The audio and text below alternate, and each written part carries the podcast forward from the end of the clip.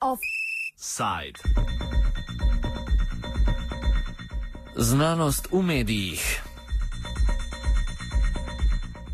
Na inštitutu Jožef Stefan se ta teden odvijajo že 21. dnevi Jožefa Stefana, katerih namen je odpreti vrata inštituta najširši javnosti in jo tako seznaniti z delom in najnovejšimi izsledki raziskovanja v tem javnem raziskovalnem zavodu na področju naravoslovne in tehniške znanosti.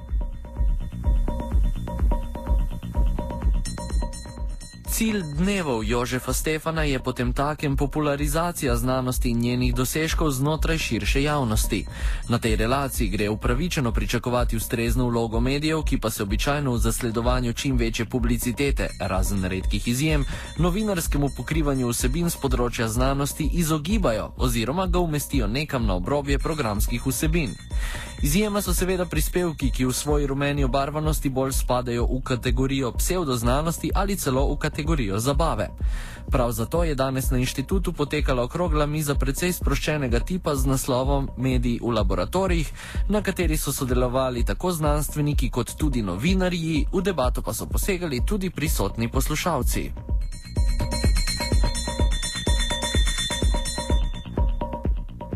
Okroglo mizo je z izhodiščnim vprašanjem, ali se mediji sploh zanimajo za znanost, začel direktor inštituta dr. Jadran Lanarčič.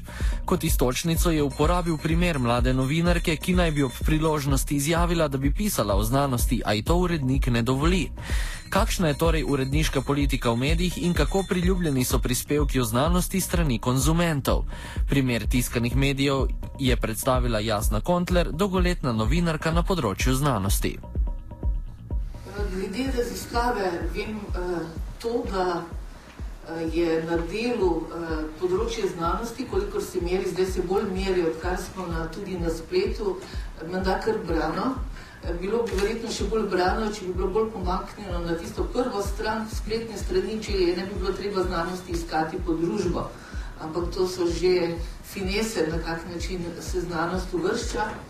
Po drugi strani povem za rezultat Eurobarometra izpred nekaj let, ko so ljudi spraševali, kako zvedo za znanstvene dogodke in kako uh, tudi cenijo znanost in tam so bile zelo dobre ocene in mnogi so tudi povedali, da za znanstvene dogodke zvedo iz medijev. Uh, sama osebno sem pripričana, da v veliki meri k temu prispeva veliko boljša umeščena znanost v nekaterih tujih medijih, v Veliki Britaniji, v nekaterih skandinavskih državah, tudi v Združenih državah, je na japonskem je znanost veliko krat na prvih straneh, pa gotovo ne samo zato, ker je njihova znanost toliko bolj uh, boljša ali da se toliko več dogaja. Preprosto uh, je takšna tradicija.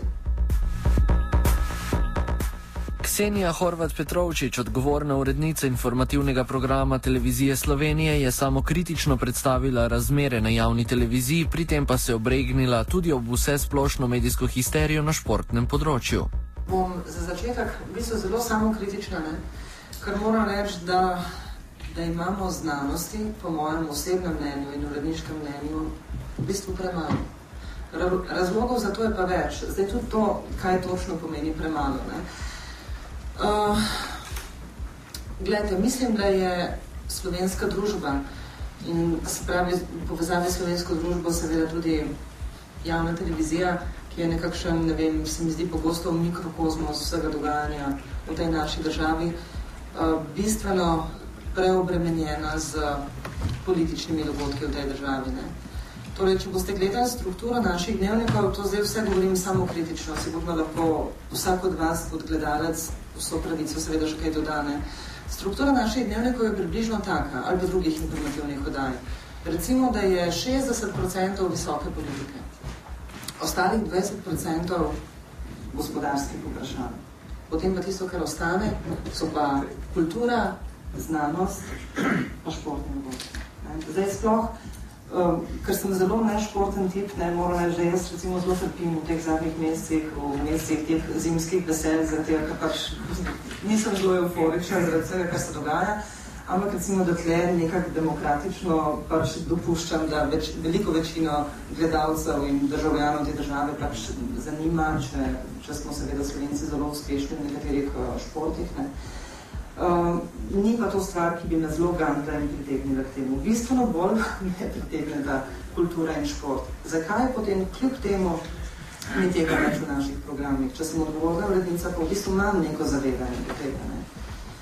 Jaz bi rekla, da razlogov nekaj je inercija. Ne? Pač padamo v tiste vzorce, res je tudi leto zelo politično razborito, zelo politično močne dogodke imamo, na veliko se vsi ukvarjamo z eno vlado, drugo vlado, dvoje izredne volitve, štiri referendumi, uh, ne vem, poplave, en kup enih izrednih dogodkov. Ne? Uh, nekaj je inercija, da se mi zdi, da novinari in uredniki sploh nekako ne pogledamo ne, nekih velikih znanstvenih ali dogodkov, ali niti ne iščemo tako zelo odkriti in tako naprej. Ne. Zdaj, delno je mogoče pri nas za to kriv tudi sistem. Javna televizija ima svoj izobraževalni program, ki je nekje varno spravljen in ločen od našega informativnega programa. Med sabo se ne družimo, ker smo novinari malo posebna kasta in zahodno dokumentarni program. Bistveno premalo je tega sodelovanja. In potem se nam vedno zdi, da je nek znanstveni dogodek, potem to malo odrinemo in rečemo, pa se to delajo tam naši v izobraževalnem programu, ko oni tudi znajo, pa preberejo kakšno znanstveno raziskavo do konca, mislim, tako kot je treba, recimo, ne in je potem nekoliko tega odrinjanja. Ne? Hkrati pa imamo dogodke, za katere pa vemo, recimo nekako znamo presoditi, da so relevantni in da bi morali biti v programu, pa se nam potem zatakne, zaradi tega, ker nimamo recimo uh, izurjenih, izvežbanih novinarjev, pa se ti pa zgodi še naslednja zadeva. Ti veš, da nek Higgsov bozon je vredno pokrit. Ne? Ampak zdaj, kako to narediti? Kako to narediti, da bo to jasno in zanimivo za, mislim, za večino naših gledalcev, ne, torej ne samo za sodelavce inštitut, in, vašega inštituta, pa še za kakšen znanstveni raziskovalni inštitut, ampak tudi za me, ne, pa za mojo mami doma, pa mogoče celo za mojega sina, ki upam, da ne bo šel po mojih uh, stopinjah študirati primerjalne književnosti. Novinar Radia Slovenija Matej Praprotnik je predstavil primer dobre prakse, s katerim je nakazal pristop, ki naj bi ga novinar zauzel ob pokrivanju znanosti. Je pa nekaj res, kadar se novinar loteva tem, pa bom rekel diametralno nasprotnih tem, kot so recimo politika pa znanost, je v novinarskih redakcijah preprosto tako. Bistveno lažje je novinarja poslati na nek politični dogodek ali pa novinarsko konferenco, kot na nek znanstveni dogodek, Ampak to je iz nekega gorega respekta, ker vsi razumemo politiko, nihče pa ne razume znanost, oziroma tak je vsaj pristop. Bi pa mogoče začel z eno posem drugačno tezo. Zdaj, seveda, novinari, mislim, da tudi ta prak je mogoče pri novinarjih sploh v Sloveniji malo prenice, že vsak lahko poroča o, o politiki, vsak lahko komentira. Morda je pa vsak, da lahko politik, ne? rekel tako, da si politik, ki lahko je vsak, da si pa novinar, ki pokriva politiko, je pa treba tudi nekaj vedeti. Za politike to ni potrebno. In mislim, da bi bil podoben pristop dober tudi za znanost. Kar se pa tega novinarskega dela tiče, bi pa kot, kot nekdo, ki ima uh, vendar je nek vpliv na, na delo v redakcijah. Predlagal predvsem to novinarjem. Niti ni to zelo narobe, če novinar ne pozna teme. Zato, ker vloga novinarja je, da raziskuje, razume, razlaga. En zelo dober primer tega je oddaja Radio Lab, ki je meni eh, kot radijskemu ustvarjalcu eh, navdih za radijsko delo.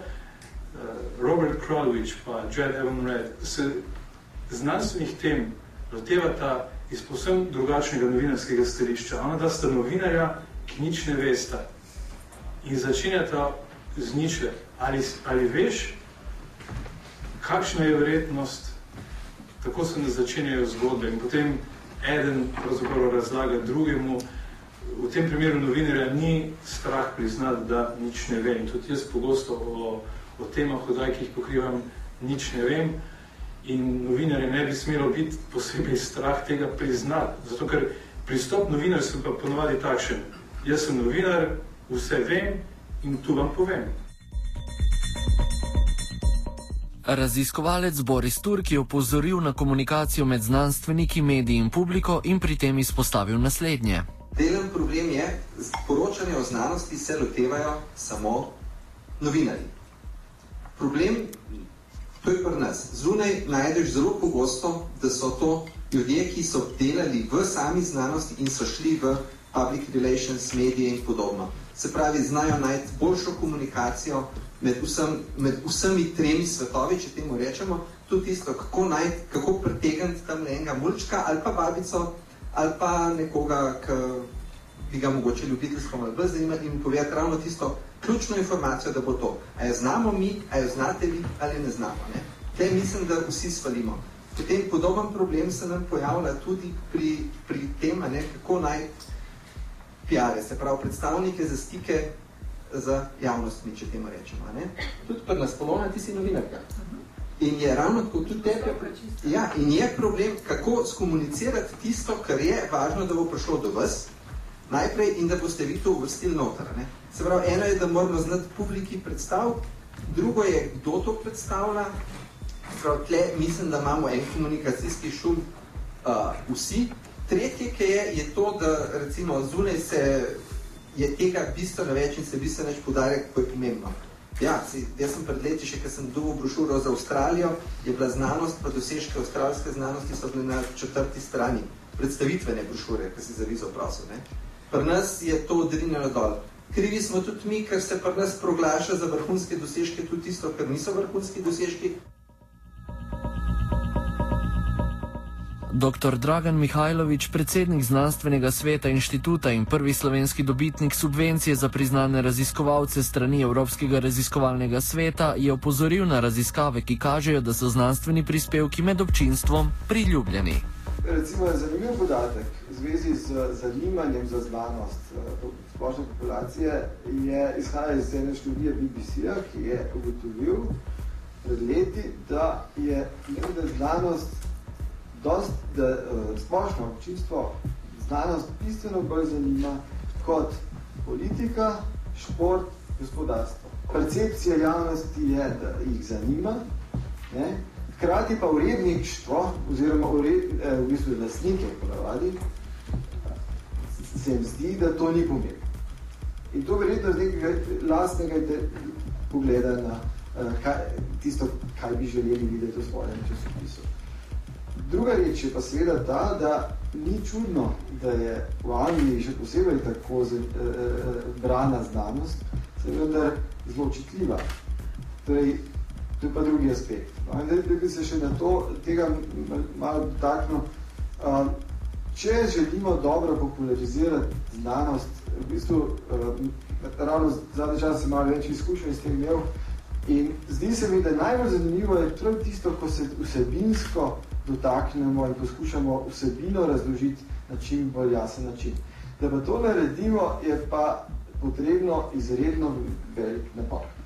Torej, jaz lahko, kot je Nils Bohr rekel, seminar imam lahko jutr, ne, predavanje za kolege za fizike imam lahko čez mesec, za splošno fiziko, za splošno predavanje pa rabim eno leto za pripraviti. In dejansko uložen trud v to, se je pri nas, mislim, je v bistvu problematično upravičiti.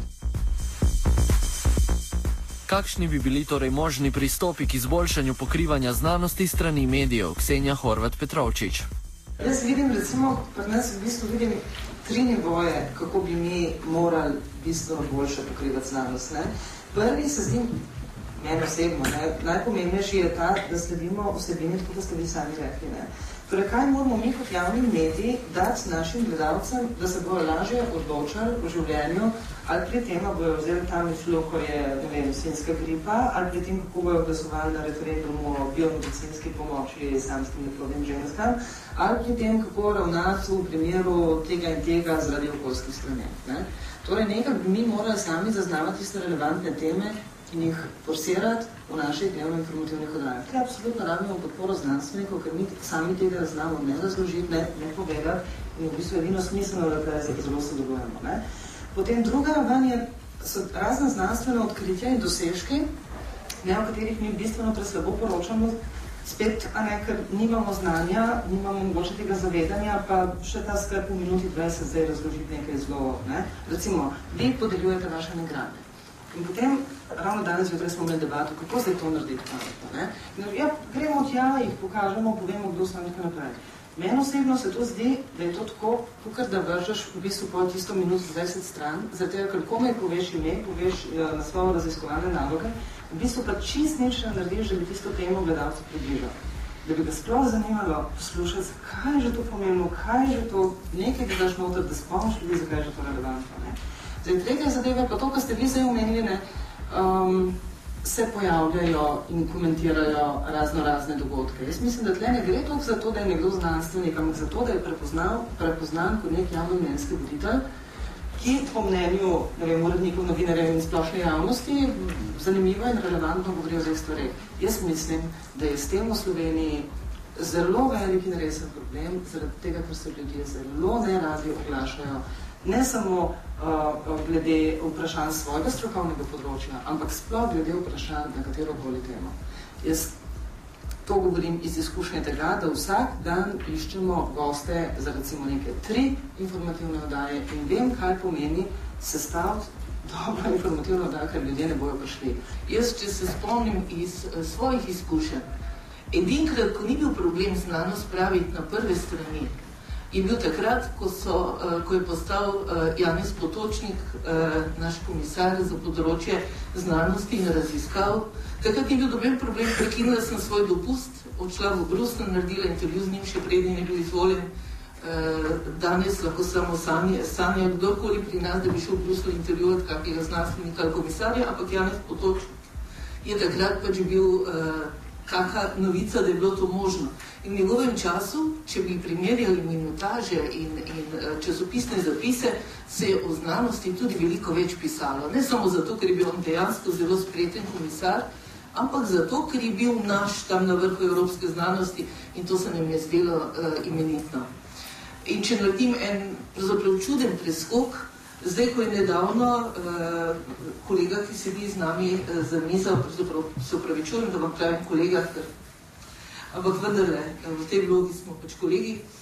Ko ste dobili kot prvi uh, uveljavljen znanstvenik uh, to izjemno pomembno podporo Evropskega raziskovalnega sveta, ki znaša nekaj milijonov evrov, to so stvari, ki so neprimerljive na drugih področjih. Če vzamemo Tino Maze, zdaj se toliko piše v njej, pa se zraven omenijo tudi tista njena velikanska vsota, koliko je zaslužila v tem letu uh, Garanja. Ne? celo v primerjavi s tem je to zelo velika vsota. In vendar je koliko je bilo, bilo je nekaj intervjujev, ne vem, kaj bi se zgodilo druge, to je bil prvi slovenski znanstvenik, ki je segel tako visoko. Uh, ni, ni bil, ni bil uh, gost odmevo, ali se jaz motim, uh, nič takega se ni zgodilo, noben dokumentarec se ni posnel o tem. Na okrogli mizi je bilo rečenega še marsikaj, tudi o odnosih z javnostmi znotraj znanosti in o znanstvenikih, ki se skrivajo za zidove inštitucij, pa o tem, kako naj bi se novinari specializirali za pokrivanje področja znanosti. Končajmo s krilatico oziroma mislijo, ki je zaokrožila na koncu okrogle mize. Umetnost in znanost sta del kulture.